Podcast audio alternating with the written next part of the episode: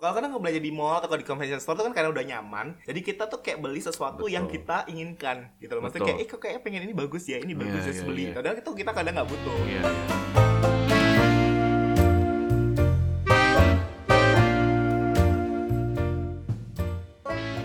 Ed, kan kita sama-sama perantau.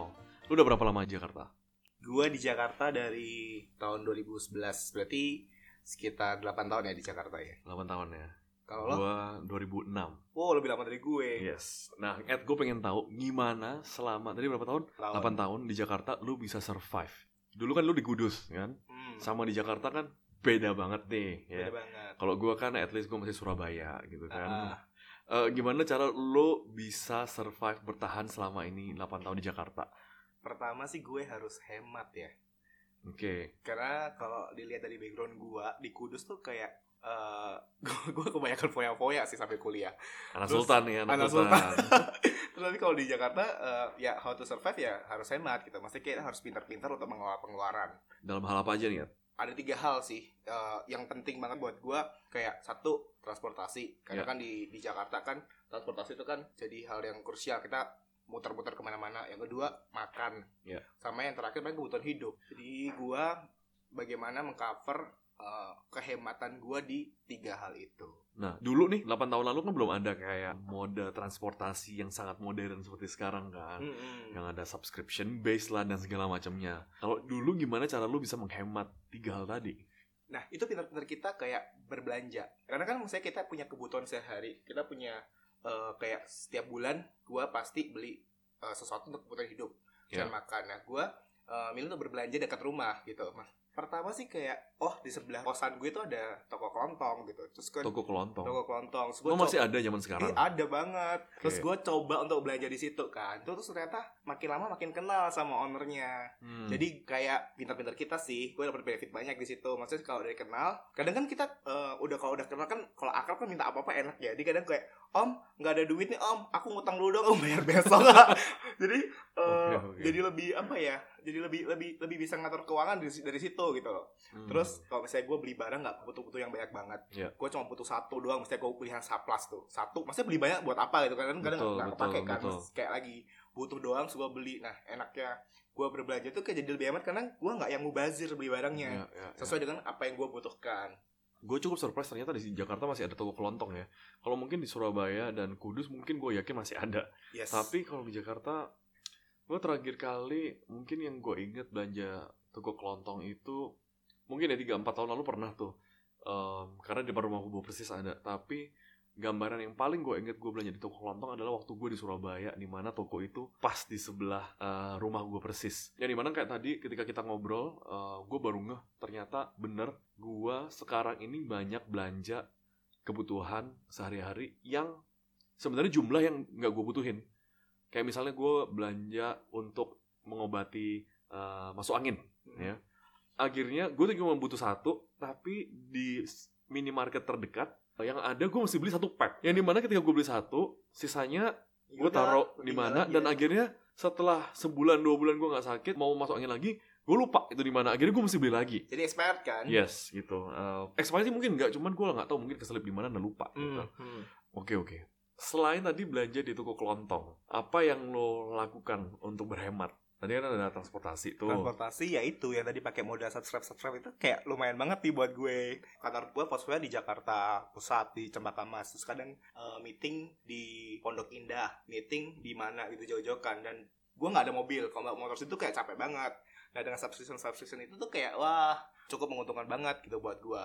Oke. Cuman sekarang yang jadi problemnya ketika gue udah mengelola di area transportasi, oh gue udah pakai subscription, yang paling susah dikontrol lagi adalah makan. Kalau jam 4 sore itu udah kayak eh kita beli bubble tea apa nih gitu kan. Kalau kalau lu emang enggak kalau ini lo lo nggak hemat ya kalau yang kalau kalau kalau makan kalau masalah makan tuh eh, bokap gue tuh selalu kayak ngajarin gue kalau beli baju itu jangan mahal. Kalau buat makan nggak apa-apa gitu. Oke. jadi itu kayak udah jadi bendera daging buat hidup gue dan gue kayak kalau buat makan ya udah gitu lah makan ya beli iya, aja gitu. gue makan kalau sekarang gue makan gue pernah em, mungkin sebulan dua bulan lalu dalam sebuah period gue suka nonton YouTube Mm-mm. orang youtuber food gitu ya Ah. yang di mana gue mempraktekkan hampir tiga minggu atau sebulan gue benar-benar beli aja dari luar dan gue masak di rumah dan it turns out jadi lebih murah banget gitu dan gue bisa practice my cooking skill secara gue mau merit kan gitu ya Hmm. jadi gue bisa sediain atau masak gitu kan kayaknya suami bisa masak itu kan keren gitu kan. Jadinya itu yang gue lakukan dan gue merasa jauh lebih hemat. Tapi ketika lo tadi mention mengenai transportasi gue jadi keinget ketika beberapa waktu lalu gue diajak bicara oleh eh, seorang millennials. Dia bilang bahwa sebenarnya dengan pendapatan sekian itu kurang.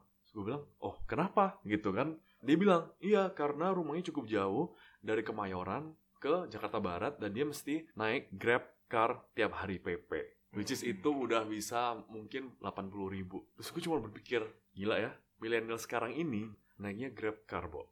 Zaman gue dulu ya 2006 gue di sini rumah gue di Karawaci kantor pertama gue itu di Kemang.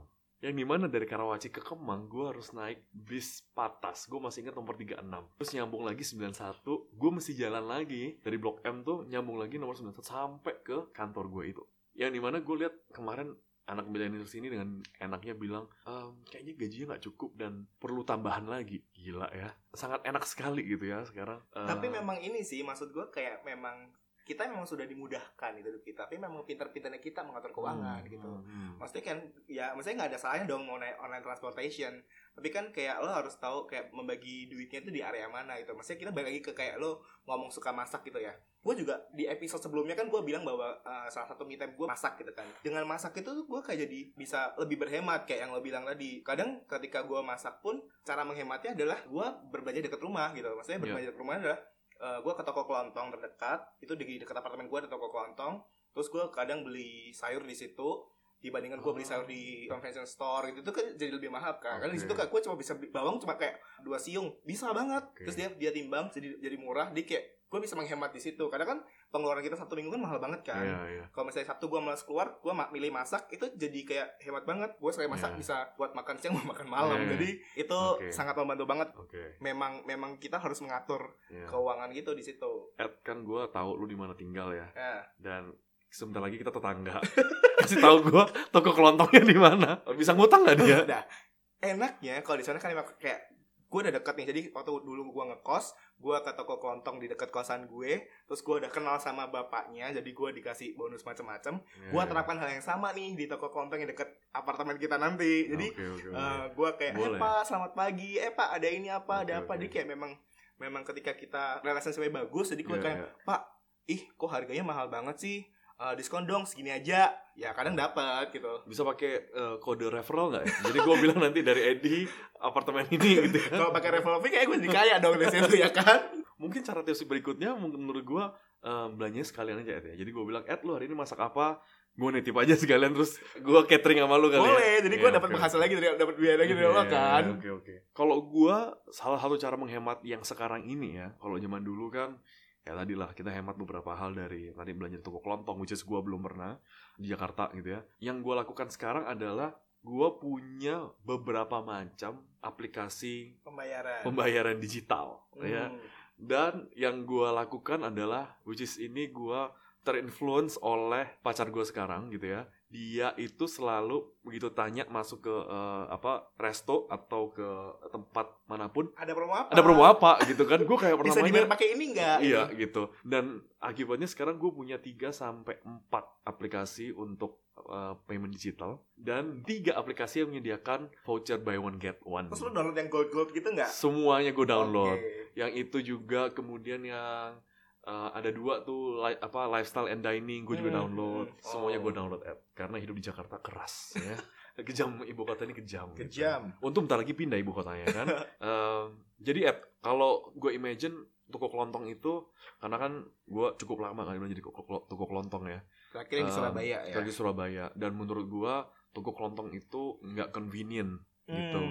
Hmm. gue sendiri secara personal dan eh, secara corporate perusahaan gue sebelumnya kita sempat merubah sebuah atau membuat mem- Membranding. modern ya memodernisasikan sebuah toko kelontong yang tadi toko kelontong menjadi eh, minimarket gitu yang di mana em, ketika topik ini dibahas di di bring up gue jadi kayak Hah? Oh iya ya, masih ada toko kelontong ya gitu kan Apakah enaknya kita nggak belanja di tempat minimarket atau supermarket terdekat aja dekat rumah Yang udah jelas convenient Dan sekarang mereka juga offer pakai apps Ini mana nggak perlu ribet-ribet kan jalan ke bawah kalau lu di apartemen atau mesti jalan 100 meter ke minimarket terdekat. Kalau gue punya prinsip lain juga sih, maksudnya dengan kita ya kadang gue juga belanja di uh, minimarket atau convenience store yang kadang-kadang mungkin lebih cepat dengan cashback dan macam-macam gitu kan. Tapi Betul. uh, di sisi lain gue uh, kayak toko kelontong pun juga mereka butuh duit kan. Kenapa mereka masih survive dengan toko kelontong? Pasti kan uh, ada pembeli-pembeli yang memang udah loyal di situ Ya, gitu ya. jadi kayak kadang gue juga belanja di toko kelontong ya karena satu tadi memang uh, dapat kadang belinya bisa eceran Ya, ya, terus kadang ya, mungkin ya. bisa kayak eh mas pinjam dulu dong gue nggak duit nih ntar gue bayarnya ntar ya atau betul, gimana betul, dan, betul. dan yang satu lagi kita bisa membantu si penjual toko kelontong itu tuh uh, biar biar bisa kayak roda kehidupannya jalan lah kayak ekonominya Ya. jalan lah gitu menggerakkan roda ekonomi Indonesia Yes. ya, ya, ya, ya. Yang gue tadi sempat ngobrol juga nih sama Febri ya teman Hmm. kita ini, Em, dia bisa hemat juga nih sebenarnya toko kelontong ya. Kalau Hmm. dia mau ngerokok kan nggak perlu beli satu pak gitu kan, belinya bisa satuan gitu kan. Hmm. Eh, coba kalau dia ke minimarket, supermarket terdekat, mbak beli rokok dong, gitu ya satu batang gitu ya. Mungkin dia ditendang suruh keluar kali ya. Oke oke oke benar. jadi memang kayak ya hidup di Jakarta tuh berat banget Betul betul Kayak- betul. ngatur keuangan tuh susah banget gitu Betul, apalagi betul. buat buat gua yang agak boros ya jadi kayak eh, kita harus pintar-pintar tuh ngatur keuangan. Ya terutama dari segi yang selalu kita habiskan duitnya di situ. Ya, apa yang bisa dihemat dihemat lah ya. apa yang bisa dihemat dihemat kalau emang nggak perlu belanja di mall nggak usah lah ya. Karena kan di mall mesti bayar parkir bayar eh, belum lagi nanti matanya jalan-jalan nah ke mana itu tuh. Kalau kadang nggak belanja di mall atau di convenience store tuh kan karena udah nyaman. Jadi kita tuh kayak beli sesuatu Betul. yang kita inginkan gitu loh. Maksudnya Betul. kayak eh kok kayak pengen ini bagus ya ini bagus Iya, ya iya, beli iya. padahal itu kita kadang nggak butuh. Iya iya. Nah, kadang misalnya untuk menghindari hal-hal itu, gua toko toko kelontong. Karena kayak Oke. nggak yang benar-benar ini. jadi sebenarnya gue jadi pengen tahu nih jadi buat teman-teman yang lagi dengerin em, pengalaman belanja deket rumah ya dengan toko kelontong itu yang yang unik itu seperti apa sih? Kayak lu tadi kan lu bisa dapet bonus lah kenal sama omnya bisa dapetin eh, harga khusus lah lu bisa nego bisa bargain di mana kalau di convenience store lu nggak bisa ya kan? Em, Mungkin teman-teman kita ini malah jadi mantunya si toko kelontong gara-gara cari cara pintas biar dapetin bonus umur hidup gitu ya. Bener juga ya. Jadi sekolah jauh-jauh di luar negeri eh, jadi menantunya toko kelontong suruh manis tuh toko toko ya oke. Dari Jadi, betul. Jadi yaudah deh gini buat teman-teman yang mau share eh, pengalaman menarik ya berbelanja deket rumah atau ya di toko kelontong terdekat eh, seperti apa sih pengalaman-pengalaman uniknya? Coba deh share ke kita. Dapetin bonus-bonus apa mungkin gitu ya eh, yang pernah didapatkan supaya tips and trick buat anak-anak perantau lainnya seperti kita yang mungkin tahun ini baru mulai eh, merantau di Jakarta gitu bisa share ceritanya di melalui DM kita di Yes. Instagram @mikirmulu Ya. atau kalau misalnya kalian uh, udah denger pos- podcast ini mau share di Instastory jangan lupa tag kita. Dan jangan lupa pakai gif-nya kita di ketik aja Foursquare terus di situ ada gif-nya mikir mulu. Jadi biar semakin hits gitu. yes. Oke. Oke, kalau mikir mulu? Kapan actionnya? dah